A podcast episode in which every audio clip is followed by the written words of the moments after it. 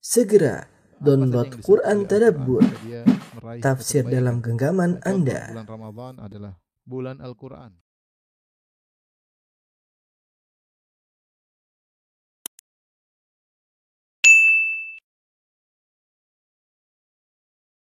Bismillahirrahmanirrahim. Assalamualaikum warahmatullahi wabarakatuh. Alhamdulillahi ala ihsani wa syukru lahu ala taufiqihi wa amtinani wa asyhadu an la ilaha illallah wahdahu la syarika lahu ta'ziman li sya'ni wa asyhadu anna Muhammadan abduhu wa rasuluhu da'ila ridwani. Allahumma salli alaihi wa ala alihi wa ashabihi wa ikhwani. Eh, para jamaah Majelis Taklim Al-Khonsa Cilandak yang dirahmati oleh Allah Subhanahu wa taala. Demikian juga para pemirsa di mana pun antum berada. Eh, pada kesempatan kali ini kita akan bahas pembahasan yang tentunya penting bagi kita semua terutama di zaman sekarang ini yang di mana eh, banyak hal yang kita lihat, banyak hal yang kita dengar yang memicu kita untuk berkomentar ya. Yang buat hati kita tergelitik untuk ya menyampaikan komentar-komentar, analisa-analisa yang terkadang tidak perlu dan terkadang tidak tepat ya. Sehingga eh, di zaman ini kebutuhan untuk mengekang lisan ya lebih penting lagi ya.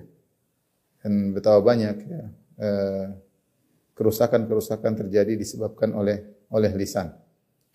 Kita tahu lisan adalah nikmat yang Allah berikan kepada kita. Kata Allah Subhanahu wa taala, "Alam naj'al lahu ainain wa lisanan wa syafatain."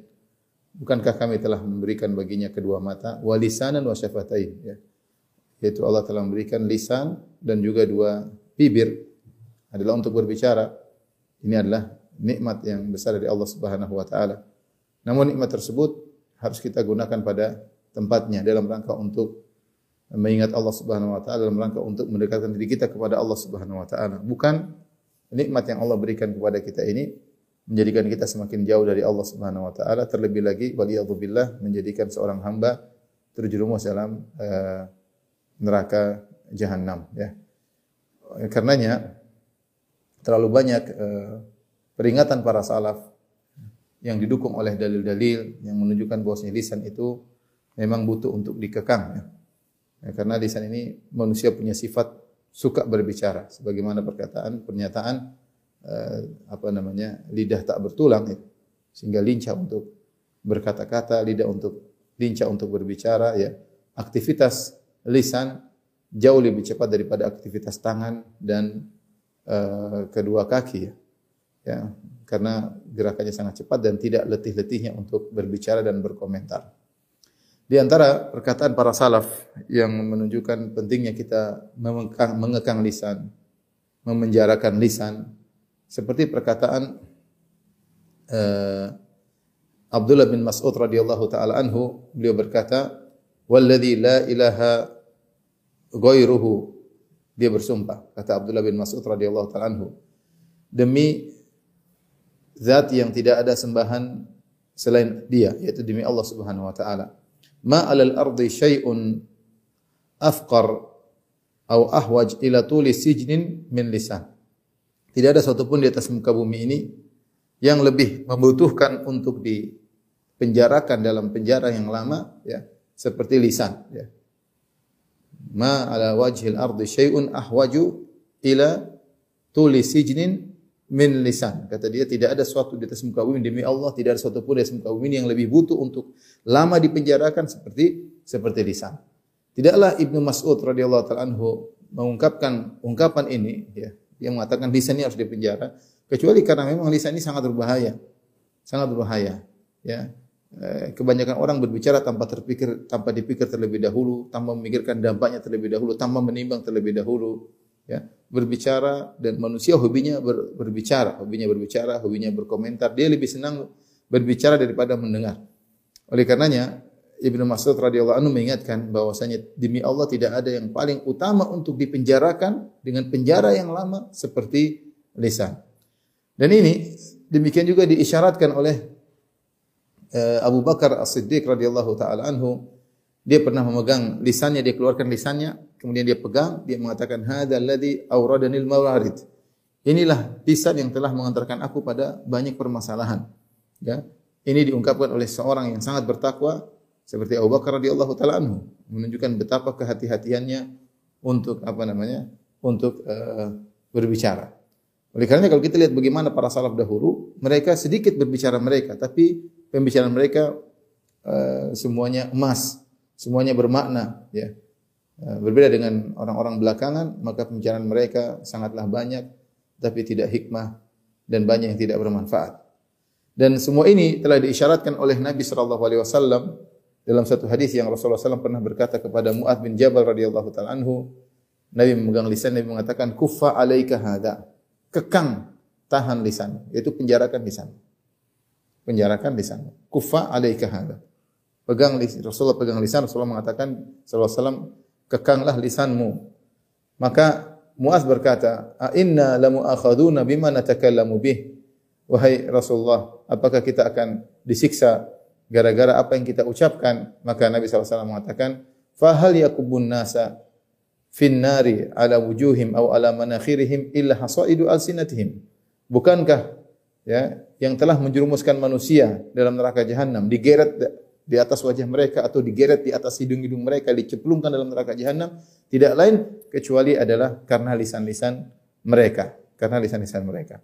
Dari sini uh, ikhwan dan akhwat yang rahmatillah subhanahu wa taala, maka topik kita memenjarakan lisan ini penting bagi kita semua ya. Bagi saya sebagai ustadz, bagi para pendengar sekalian ya, ibu-ibu yang ya, mungkin hobinya berkomentar, menganalisa ya. Uh, bagi orang-orang yang hobi bikin status, status adalah bentuk komentar. Eh, karena Allah mengatakan uh, cara manusia mentakbir dengan dua, mentakbir dengan lisan dan mentakbir dengan pena. Oleh karenanya hukum tulisan-tulisan sama dengan sama dengan lisan. Itulah bentuk takbir, bentuk pengungkapan. Ya. Maka waspada terutama di zaman uh, di zaman uh, sekarang ini. Taib. Terlebih lagi, ikhwan dan akhwat yang rahmatillah subhanahu wa Nanti akan dijelaskan betapa banyak eh, dosa-dosa uh, yang disebabkan oleh lisan. Betapa banyak dosa yang disebabkan oleh lisan, sangat berbagai macam model beraneka ragam. Hendaknya kita ketahui secara global untuk kita hindari. Tapi pertama yang akan kita bahas adalah tentang bagaimana uh, syariat menyuruh kita untuk menjaga lisan, untuk menjaga lisan. Di antara dalam Al-Qur'an Allah Subhanahu wa taala berfirman dalam surat uh, Qaf ayat 18, "Ma yalfidhu min qaulin illa ladaihi raqibun atid." Tidaklah seorang manusia itu ya yalfadhu min qaulin mengucapkan satu perkataan, melafalkan satu perkataan illa ladaihi kecuali di sisinya ada raqibun atid, ada malaikat yang mengawasi uh, dan selalu hadir. Jadi tidak ada satu lafal pun yang keluar dari kita kemudian terluputkan dari catatan malaikat. Meskipun kita bicara secepat apa pun, meskipun kita menulis cepat apa pun, terekam dan tercatat karena malaikat tersebut selalu mengawasi dan selalu hadir. Dan malaikat-malaikat tersebut tidak akan salah dalam mencatat. Tidak akan salah dalam mencatat. Makanya dalam hadis uh, kisah sahib sahibul bitaqah tentang kisah pemilik kartu la ilaha illallah ketika dia dihadirkan pada hari kiamat kelak. Kemudian kata Nabi SAW, fayun syarulahu tis'atun wa tis'una sijillan kullu sijilin madul basar. Maka dibukakan bagi dia 99 gulungan catatan amal dia. Setiap gulungan ketika dibuka sejauh mata memandang. Dibukalah 99 catatan amal.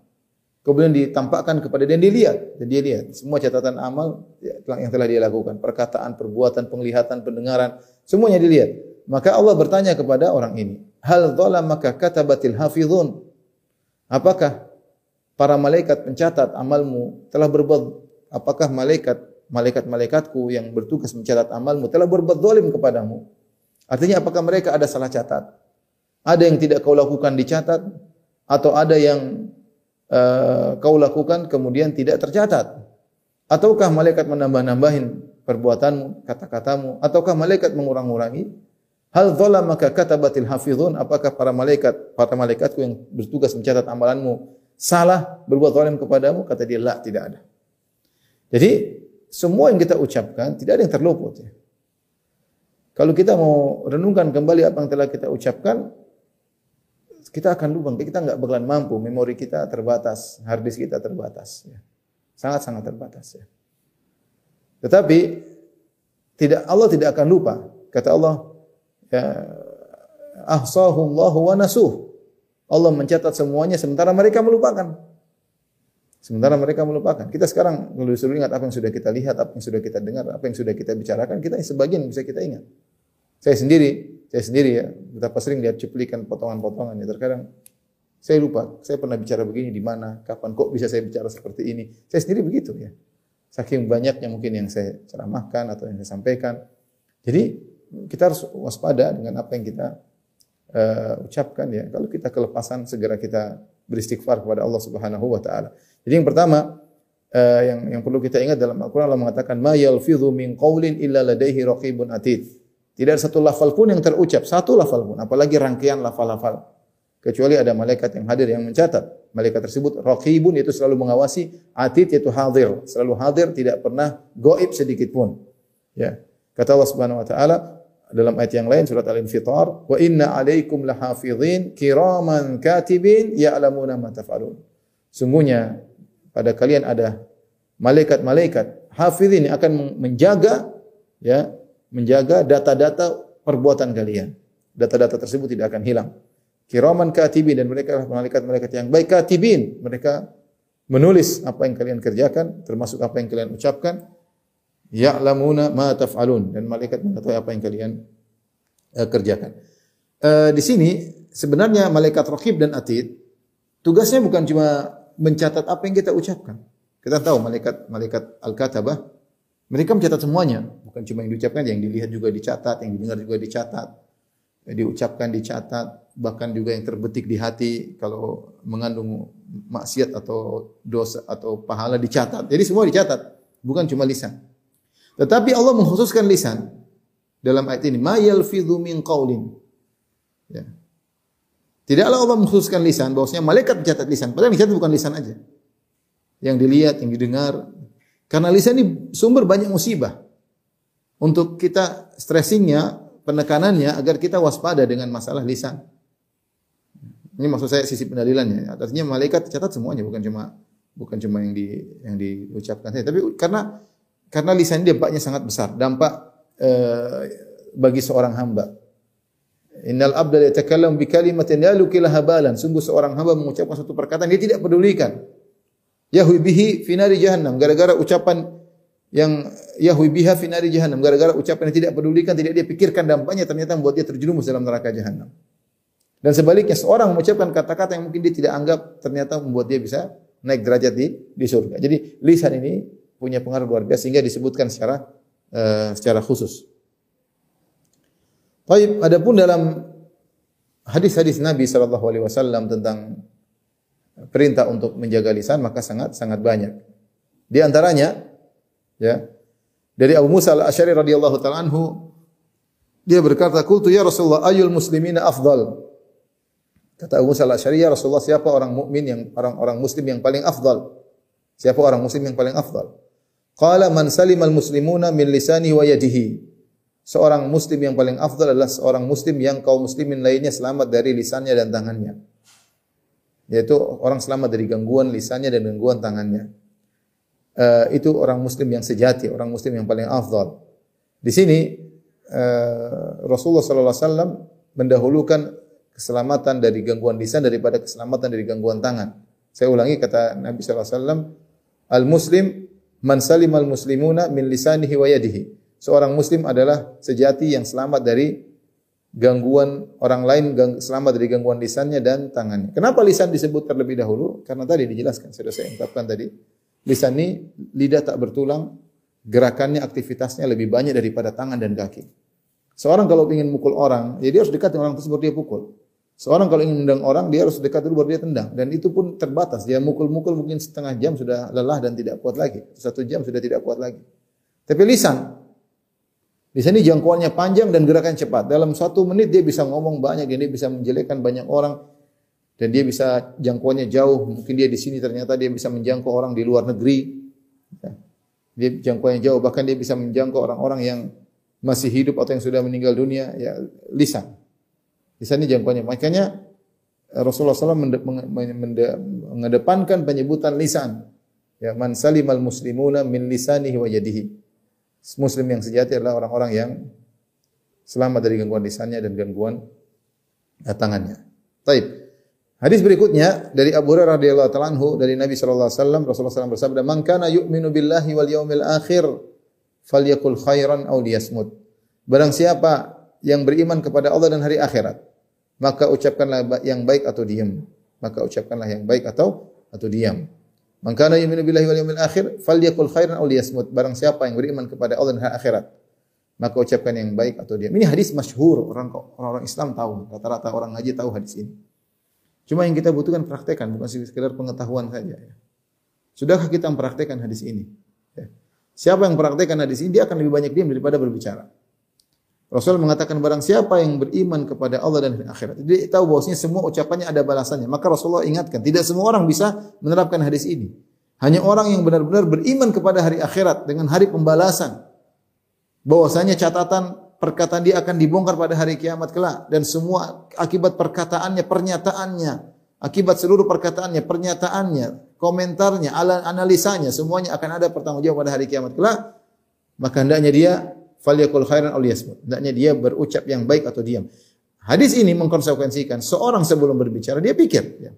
Kalau saya sebutkan sini contoh cara ya eh, pengamalan hadis ya hadis ini.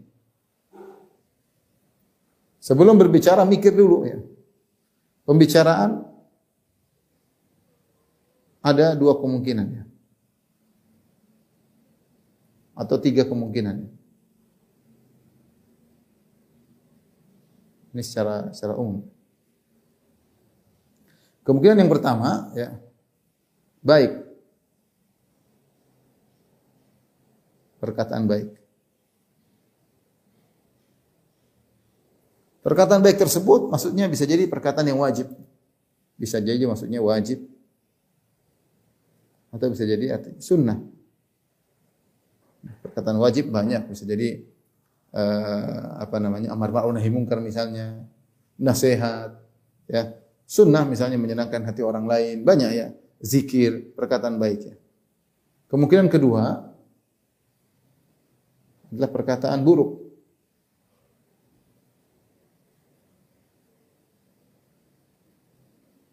Ini bisa jadi perkataan yang haram atau yang makruh. Dipikir ini haram atau tidak saya ngomong gini. Ini gibah bukan. Ini namanya bukan. Ini merendahkan orang atau bukan. Ini dulu yang tidak tidak bukan. Ini menukil berita yang tidak benar atau bukan. Mikir. Baik, mikir ya. Kalau perkataan baik ucapkan, kalau buruk tinggalkan. Kemungkinan yang ketiga adalah mubah. Perkataan mubah. Mubah itu boleh. Tidak tidak tidak hanya perkataan mubah, tidak ada pahala, tidak ada dosa. Ya. Tanpa pahala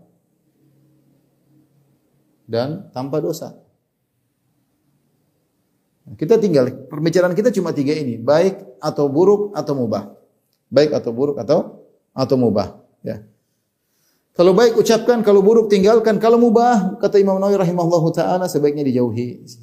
Jangan terlalu banyak. Kalaupun ini mubah, maka jangan terlalu banyak dibicarakan. Karena betapa sering perkataan mubah mengantarkan kepada kepada keburukan. Nah, kalau perkataan mubah kita berusaha kalau mubah usahakan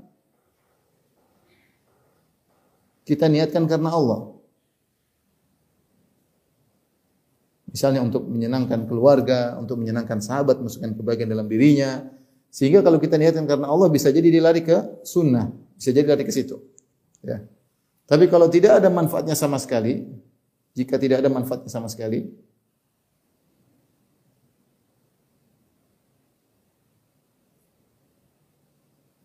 sekali maka hendaknya sebaiknya dijauhi. Kenapa sebaiknya dijauhi? Kata Imam Nawawi rahimahullah karena banyak perkataan mubah menggeret kepada perkataan haram. Kenyataan menunjukkan.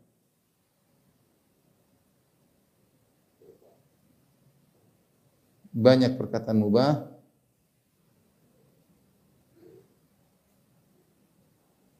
yang menggeret ke haram, menggeret ke haram atau makruh.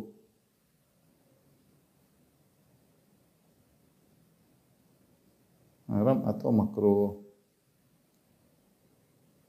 Tapi saya bacakan perkataan Imam rahimahullah taala ya. Nawawi rahimahullah berkata dalam syarah dalam Al-Minhaj syarah Sahih Muslim. Adapun sabda Nabi wasallam mengucapkan yang baik atau diam, fa maknahu maknanya annahu idza arada an yatakallam. Jika artinya jika seorang hendak berbicara, fa in kana ma yatakallam bihi khairan muhaqqaqan yuthabu alaihi wajiban aw manduban falyatakallam. Kalau apa yang dia bicarakan itu benar-benar baik, benar-benar dia pastikan itu kebaikannya, dia akan dapat pahala, apakah perkataan yang wajib atau perkataan yang sunnah yang dianjurkan, maka berbicaralah. Banyak ya, kita ceramah, kita menyampaikan kebaikan, kita mengingatkan orang daripada keburukan, mengingatkan orang dari kemungkaran. Ada kemungkaran kita tidak boleh diam, setan akhras jadi setan yang bisu. Ada kemungkaran kita jelaskan ini tidak boleh. Baik ucapkan. Kemudian beliau berkata, Uh, intinya kalau perkara itu wajib, pasti wajib atau sunnah ucapkan. Wa illam yadhhar lahu annahu khairun yuthabu alaihi falyumsik anil kalam. Kalau tampaknya dia masih ragu, dia tidak memastikan ini perkataan baik atau tidak, hendaknya fal yumsik anil kalam, hendaknya dia diam. Karena Rasulullah beli pilihan, ngomong baik atau diam, hendaknya dia diam. Sawa'an dhahar lahu annahu haram atau makruh atau mubah. Mustawa tarafain, mustawiyat tarafain. Apakah menurut ini dia adalah haram atau makruh atau mubah? Ya, makanya diam. Fa ala hadza yakunul kalamul mubah ma'muran bitarkihi manduban ila imsaki anhu. Menurut Imam Nawawi rahimahullah taala bahwasanya perkara yang mubah ini pun diperintahkan untuk berdiam darinya dan tidak diucapkan. Dianjurkan untuk berdiam, ditahan. Meskipun perkataan mubah. Makhafatan min, min injirarihi ilal muharram awil makruh. Karena dikhawatirkan perkataan mubah akan terbawa akhirnya tergeret kepada perkataan yang haram atau perkataan yang makruh. Banyak kita ngobrol dengan orang. Kalau kita tidak waspada, ini nama lari nyerempet gibah orang, nyerempet jelekin kejelekan orang, nyerempet menghina orang lain, nyerempet banyak hal yang bisa membuat terjerumus dalam perkara yang haram atau paling tidak makruh. Paling tidak makruh. Wa hadza yaqa'u fil 'ada katsiran aw ghaliban. Perhatikan. Dan ini yang terjadi kenyataannya seringnya demikian, ya. Atau dominasinya seperti itu, ya. Seperti itu ya. Oleh karenanya ini siapa yang menerapkan hadis ini dia akan banyak diam. Renungkan saya bicaranya. Bukan kita setelah berbicara baru kita pikirkan dampaknya. Seorang muslim sejati ya, dia memikirkan dahulu sebelum dia berucap. Ya, kalau dia belum berucap dia selamat. Kalau sudah terlanjur lepas, sudah nggak bisa terselamatkan.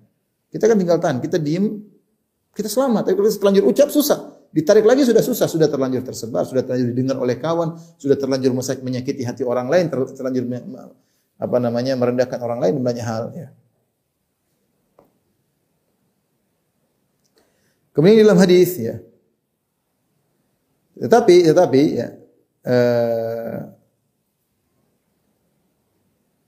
Kata Ibn Abdul Bar ya. Wa qaulul khair afdalu minas samti. Ya, bahwasanya perkataan baik lebih baik daripada diam ya. Jadi diam itu bisa jadi ibadah. Jika kita berdiam dari perkataan buruk atau dari perkataan makruh atau perkataan mubah, diam itu dapat pahala. Tapi kalau kita berbicara perkataan baik mana lebih bagus? Ya lebih baik ngomong daripada diam.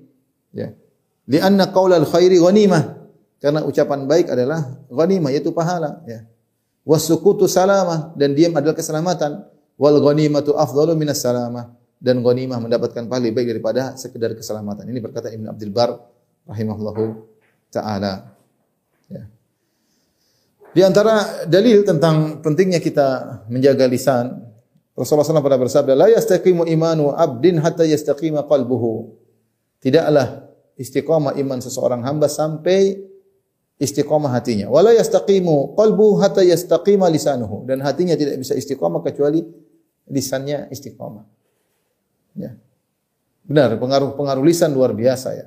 Mengaruhi amal kita yang lainnya.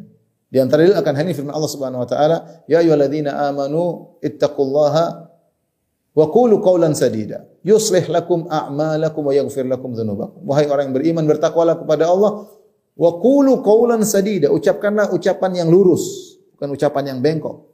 Ucapkanlah ucapan yang tepat, ucapkanlah ucapan yang baik. Apa pahalanya kalau kamu mengucapkan ucapan baik?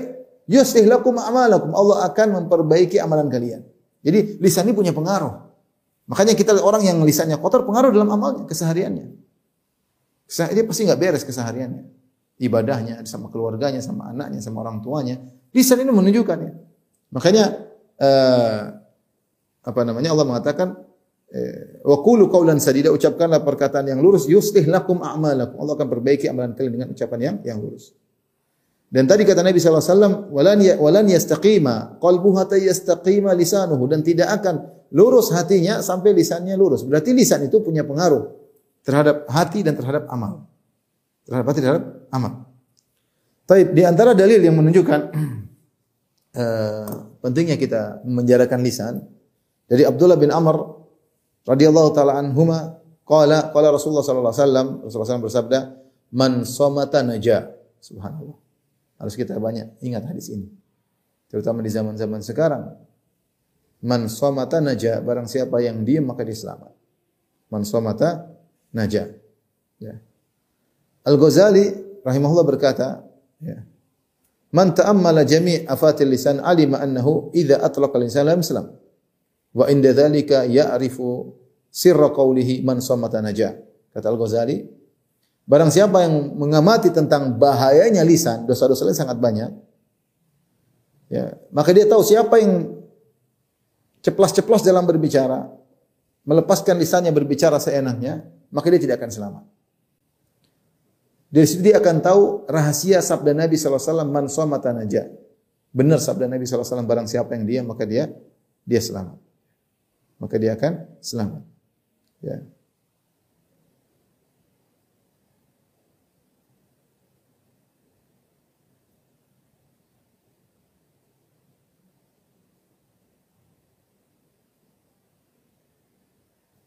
Beliau berkata, "Lian hadhil afat kullaha mahalik wa ma'atib wa hiya ala tariqil mutakallim.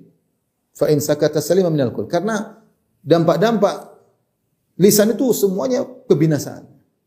Ghibah, namimah, merendahkan orang lain, sombong banyak sekali ya. Ini semua mendatangkan kebinasaan. Ya. Yang ada di jalan yang sedang ditempuh oleh orang yang sedang berbicara, bicara dia akan banyak hal situ ada ini, akan banyak dia lewati. Kalau dia enggak dia salah ngomong, dia akan masuk dalam ya afatul lisan, dalam dosa-dosa lisan. Kalau dia diam, maka dia akan selamat dari seluruhnya. Tidak usah ngomong. Wa in nataqala wa takallama khatara bi nafsihi. Kalau dia berbicara, maka dia spekulasinya tinggi. Illa an yuwafiqahu lisanun fasih wa ilmun ghazir wa war'un hafiz wa wari'un hafiz wa muraqabatun lazimah. Kecuali kalau dia berbicara dengan bahasa yang benar, bahasanya fasih, ilmunya banyak, dia wara, menjaga diri, selalu muraqabah. Wa yuqal minal kalam dan ngomongnya tidak banyak. Fa asahu yaslamu inda dzalik. Dan kalau dia caranya seperti ini, insya Allah dia selamat. Tapi syaratnya apa tadi kata dia? Kata Al-Ghazali, kalau mau selamat memang orangnya tidak sembarang, harus lisanun fasih. Dia harus ngomongnya baik. Tidak ngalor ngidul, kemudian teratur ngomongnya. Kemudian uh, di antaranya dia punya ilmu, ilmu gozir, ilmunya banyak. Kemudian dia wara. Ya, kemudian dia muraqabah selalu mengawasi ucapan saya ini benar atau tidak, dia awasi dan dia tidak banyak omong, maka orang seperti mudah-mudahan selamat. Ya. Wa huwa ma'a jami'i dzalik la yanfakku anil khatar. Meskipun dia sudah berusaha berbicara baik tetap saja ada spekulasi.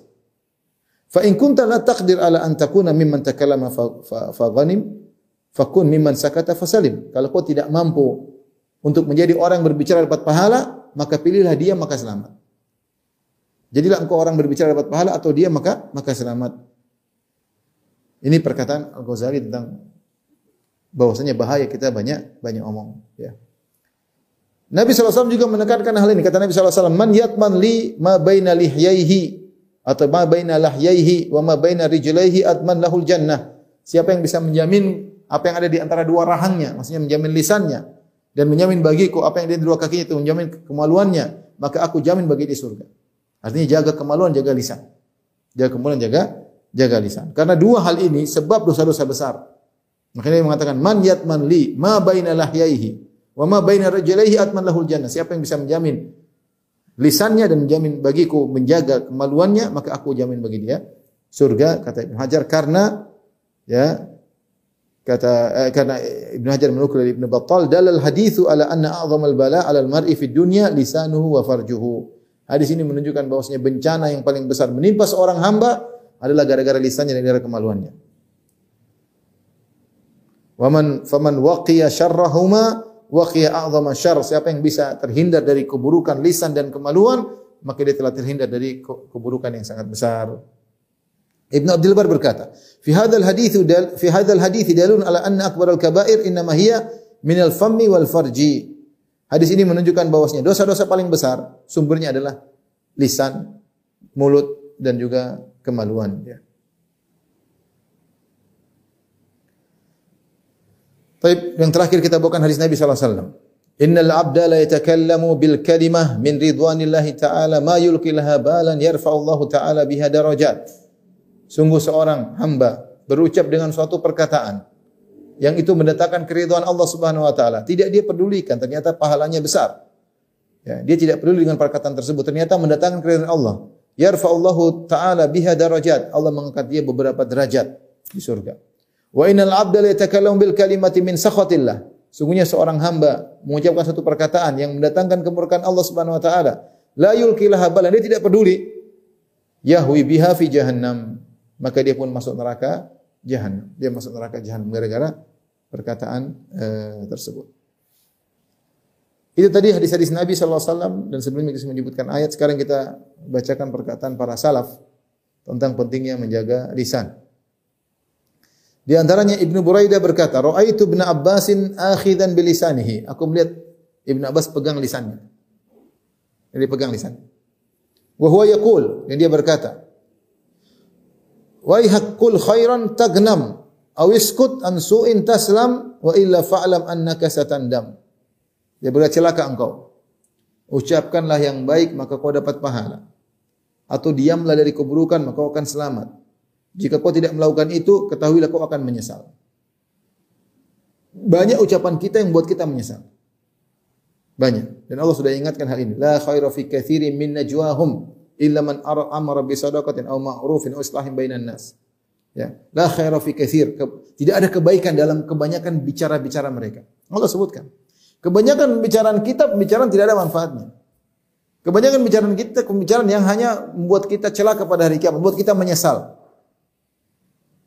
Kalau kita tidak menjalankan hadis Nabi, Faliyakul khairan aw liyasmut ucapkan waktu diam kita akan menyesal. Makanya Ibnu Abbas megang lisan dia berkata, "Waihak, celaka engkau. Kul khairan ucapkanlah." Dia pegang dia ngomong sama lisannya. "Waihak, celaka engkau wahai lisanku." Kul khairan tagnam ucapkanlah yang baik dan kau dapat pahala. Awiskut ansuin taslam atau kau berhenti jangan ngomong keburukan maka kau selamat. Wa illa fa'lam annaka satandam. Kalau tidak kau akan menyesal. Kau akan menyesal. Dan itu benar. Betapa banyak perkataan buat kita menyesal. Kita sering berbicara tidak kita pilih terlebih dahulu. Apalagi sudah emosi, apalagi kalau sudah sulit.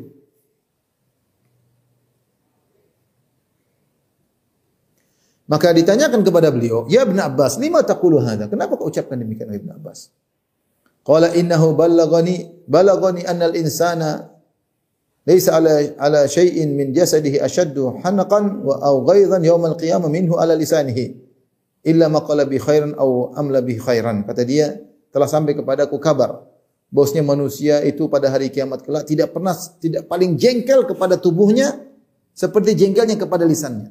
Dia paling jengkel pada hari kiamat kelak. Ya, artinya dosa-dosa dilakukan ada, dosa pandangan ada, dosa pendengaran ada, dosa kemaluan ada, dosa tangan ada, tapi yang paling buat manusia jengkel adalah dosa lisannya karena banyak, dosa lisan itu banyak. Orang mungkin dosa kemaluan mungkin dia zina sekali, dua kali, tiga kali, taruhlah sepuluh kali.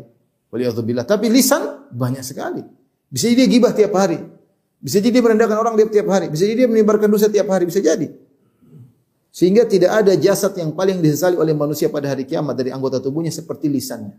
Dia paling jengkel pada hari kiamat. Ini yang buat dia menyesal. Makanya kata Ibn Abbas tadi, uh, kalau tidak kau berucap baik atau diam, fa'lam ya, ketahuilah engkau annaka satandam, kau akan menyesal. Taib uh, asar berikutnya dari Sulaiman bin Daud in kana al-kalam min fiddah fasukutu min dhahab. Ya, jika pembicaraan dari perak maka diam adalah dari emas. Ini apa ya? Pepatah yang sangat indah. In kana al-kalamu min fiddah fasukutu min dhahab. Kalau kau lihat orang berbicara kau terpesona, indah sekali perkataannya. Yang perkataannya seperti perak, ketahuilah diam itu seperti emas. Ini secara umum ya tentunya tentunya terkadang seperti tadi kita sebutkan perkataan Ibn Abdul Bar bahwasanya kalau ada perkataan baik dibandingkan dengan diam lebih baik apa namanya? Lebih baik berkata ya. Lebih baik berkata kalau memang lebih baik. Ya. Tapi kalau tidak diam itu lebih baik. Ini menguatkan bahwasanya memenjarakan lisan diam adalah ibadah. Ibadah yang mudah, itu diam dapat pahala. Kok bisa dapat pahala Ustaz? Tatkala kita niatkan kita mau ngomong takut salah, udah dapat pahala. Dapat pahala. Kita diam, kita kenapa diam? Kita menimbang. Duh kayaknya enggak tepat. Ya sudah, dapat pahala. Jadi sebagaimana Anda berbicara bisa dapat pahala, wal kalimatu thayyibatu sadaqah, ngomong yang baik sedekah, demikian juga diam juga bisa menjadi pahala. Ya. Nabi SAW mengatakan man somata naja. Siapa yang diam maka selamat.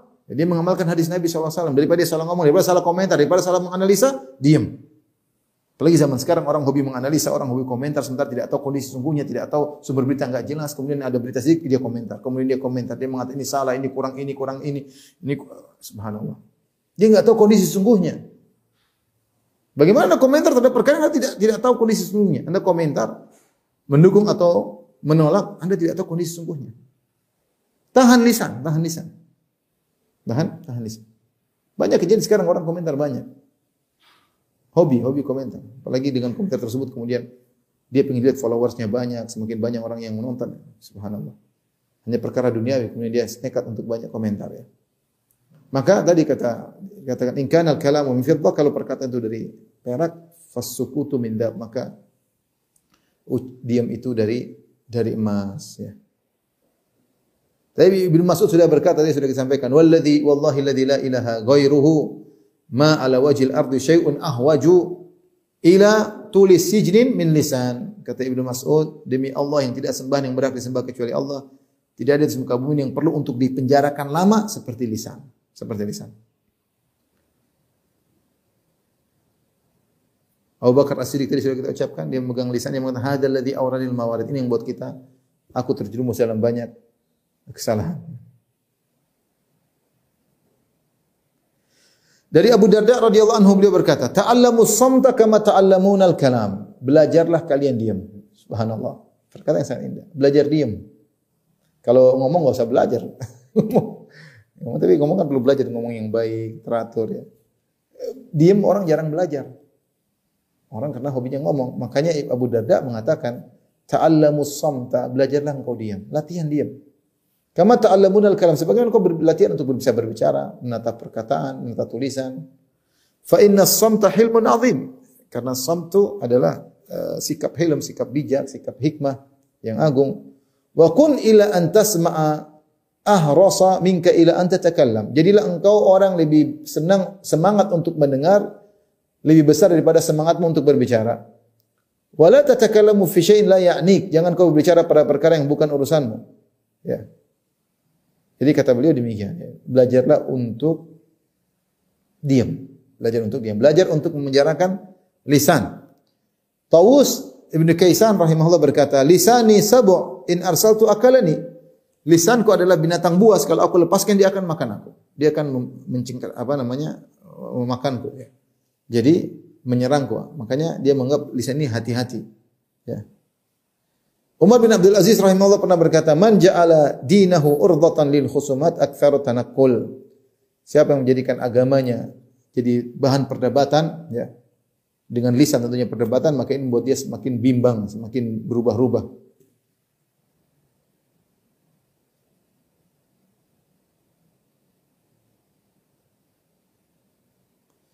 Tentunya ikhwan dan akhwat yang rahmatillah subhanahu wa taala ini bukan berarti kita tidak berbicara, kita berbicara. Kalau baik berbicara, jangan diam. Hanya kalau ada keburukan tidak kita karena takut pingin selamat kita tidak menyampaikan namanya syaitan akhras, syaitan yang bisu. Tapi sebagai renungan kita sebutkan beberapa dosa-dosa lisan ya. Tentu saya tidak akan jelas secara detail untuk kita waspadain saja ya, dosa-dosa lisan.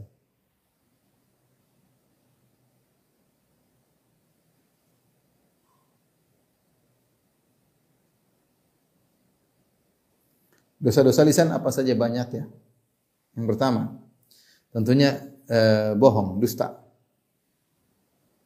Kedua, ghibah. Menceritakan kejelekan orang lain dan dia tidak hadir di hadapan kita. Kemudian Yang ketiga, namimah. Mengadu domba. Ucapannya benar, tapi kalau dia sengaja dengan ucapan benar tersebut, kabarkan sana, kabarkan A, kabarkan B untuk domba, maka namimah. Meskipun meskipun jujur. Namimah tidak boleh. Gibah ini jujur ya. Tapi haram. Namimah juga jujur, tapi haram. Apalagi gibah plus. Udah gibah bohong, apalagi namimah plus. Namimah saja jujur uh, haram. Gibah saja jujur haram apalagi kalau ternyata dusta. Uh, kemudian di antaranya uh, uh, menyebarkan menyebarkan rahasia. Tidak boleh. Kata Rasulullah SAW, Inna rajul idha hadatha rajula faltafata anhu fahiya amanah. Seorang kalau ngobrol sama temannya, berdua, kemudian dia pergi, maka omongan itu menjadi amanah. Sudah pernah saya sampaikan. Karena omongan dua berdua ini bukan omongan konsumsi publik, dia omongan berdua, dia percaya sama kita, makanya dia diskusi, dia ungkapkan apa dalam hatinya. Kemudian kita serta merta ucapkan ke, keluar, maka kita tidak amanah. Ciri orang munafik tidak amanah. Ini banyak terjadi di grup-grup WhatsApp. Kita grup mungkin berlima atau bersepuluh atau berdua puluh. Ingat ya jangan sampai keluar ngomong di antara kita ngalor ngidul atau kemudian diskusi kadang kita ungkapkan. Ternyata di screenshot keluar. Nah, ini nggak benar. Nggak benar. Dia bicara dengan kita karena kita dia percaya sama kita. Tidak boleh konsumsi yang komunitas kemudian keluarkan di publik. Ini tidak aman. Ini menimbulkan perkara yang tidak aman orang ciri orang munafik. Kemudian di antaranya mencela kemudian di antaranya yang keenam melaknat ya. Di antaranya misalnya yang ketujuh eh, apa namanya apa namanya beri merendahkan.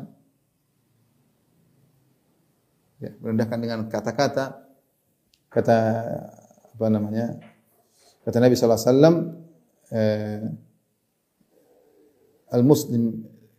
al-muslim al-muslim wala yahqiruhu. Jangan dia merendahkan saudaranya.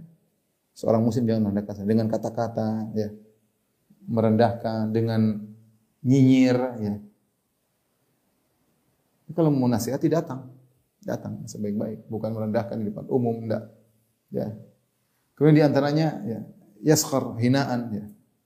Merendahkan nyinyir menghina ini semua dosa Kemudian antaranya yang kedelapan memberi gelar buruk.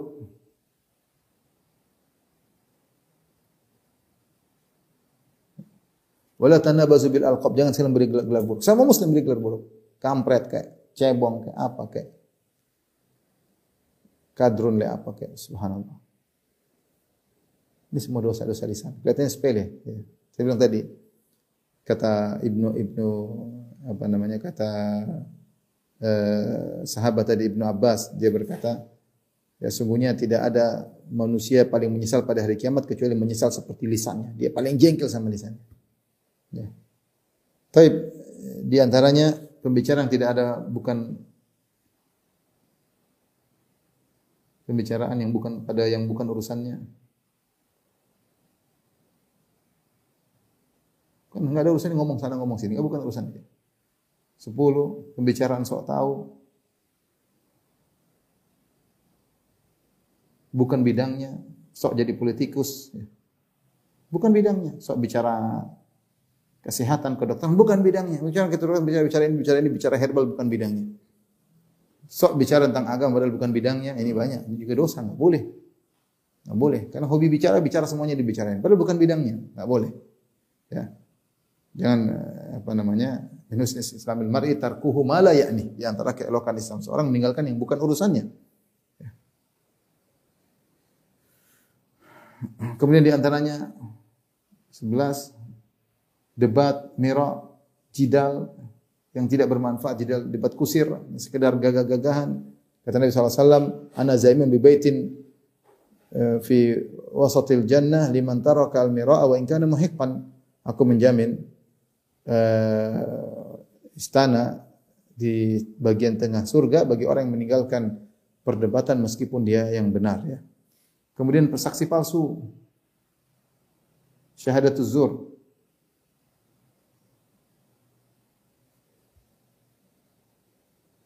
Kemudian apa di antaranya membentak membentak anak yatim dan orang miskin.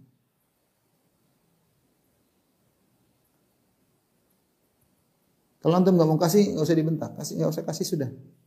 Ya, qaulun ma'rufun khairun min sadaqatin yatba'u adha. Perkataan baik-baik saya nggak ada, belum belum bisa daripada kau kasih tapi kau ngomong-ngomong. Ya, membentak, membentak. Wa masaila fala tanhar. Adapun peminta-minta jangan kau bentak. Kalau nggak mau nggak sih, so, nggak usah dibentak. 14. Di antaranya alman, ngungkit-ngungkit.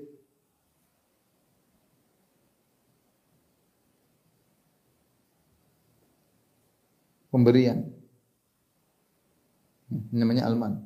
Ya ayyuhalladzina amanu la tubtilu shadaqatikum bil manni wal adha. Wahai orang beriman, jangan kalian batalkan sedekah kalian dengan alman wal adha. Ngungkit-ngungkit. Saya yang kasih gini, saya yang kasih anu. Eh mana baju yang saya kasih dulu? Itu sama. Eh, dulu HP yang saya kasih ke mana? Ya. Wih, sekarang keren nih pakai baju, eh, padahal kita baju kita yang kasih. Bikin dia sakit hati. Diungkit-ungkit. Ini bahaya kepada keluarga, kepada teman, ya. Pada orang yang kita bantu selama ini, ya. Di antara juga misalnya atauan mencela nasab.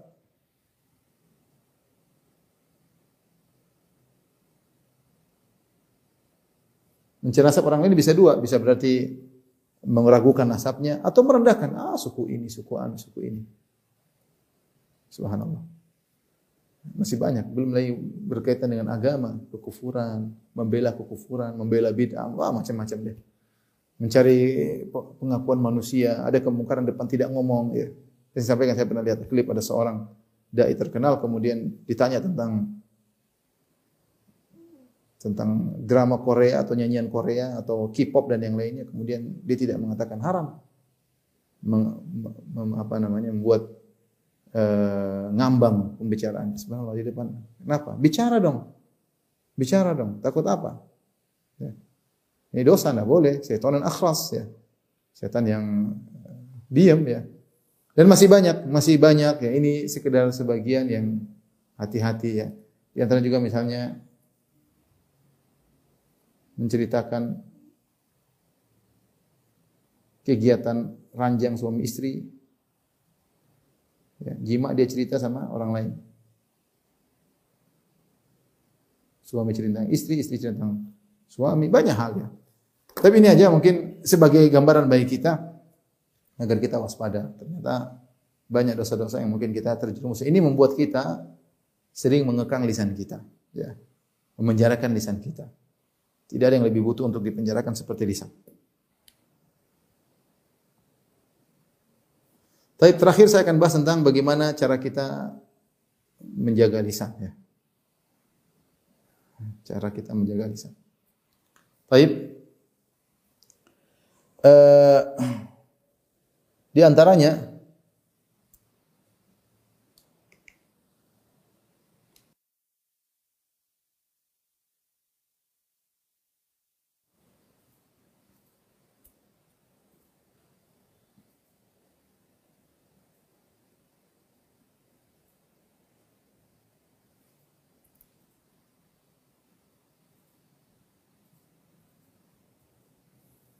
agar lisan terjaga.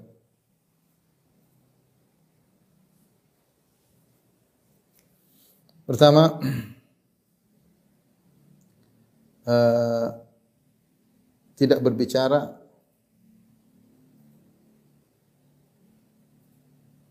kecuali untuk mendatangkan manfaat.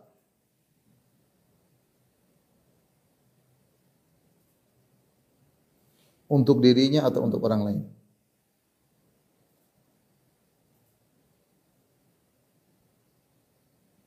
Yakin, itu meyakinkan bahwasanya uh, ini adalah perkataan baik, yaitu ini adalah pastikan ini perkataan baik.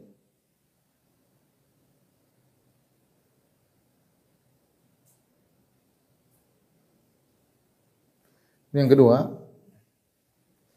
eh, memilih waktu yang pas untuk berbicara. ya. Memilih waktu atau kondisi atau tempat sikon ya bahasa kita yang tepat untuk diutarakan. Ya. Sebagian perkataan apa namanya pepatah Arab likulli maqamin maqal likulli maqamin maqal setiap kondisi ada pembicaraan khusus ya.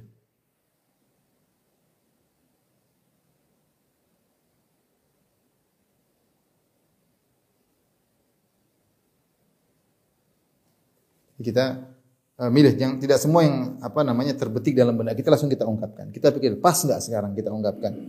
Ya, kalau tidak maka uh, tidak usah ya. Tidak usah nanti mungkin nanti baru kita sampaikan. Bukan saatnya sekarang. Mungkin nanti kalau saya berdua dengan dia, mungkin tatkala anak-anak sudah tidak ada, mungkin kita lihat ini pas atau tidak karena pikiran kita maslahat kebaikan. Mungkin baik tapi kalau tidak pas jangan. Ya. Waktunya tidak pas. Karena bisa jadi perkataan baik tapi waktunya tidak pas maka tidak jadi tidak baik. Kemudian antaranya yang ketiga adalah uh, pembicaraan yang cukup, jangan berlebihan.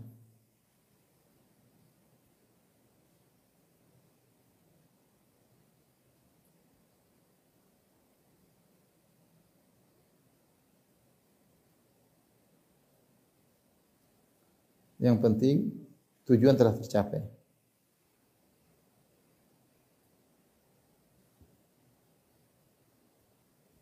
Tujuan telah tercapai. tercapai ya.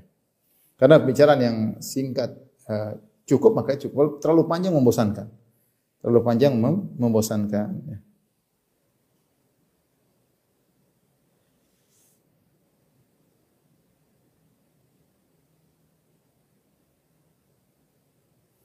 Kemudian di antaranya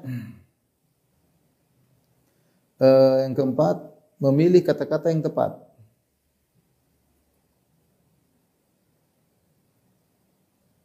Kenapa ikhwan? Karena kata-kata ini karena kata-kata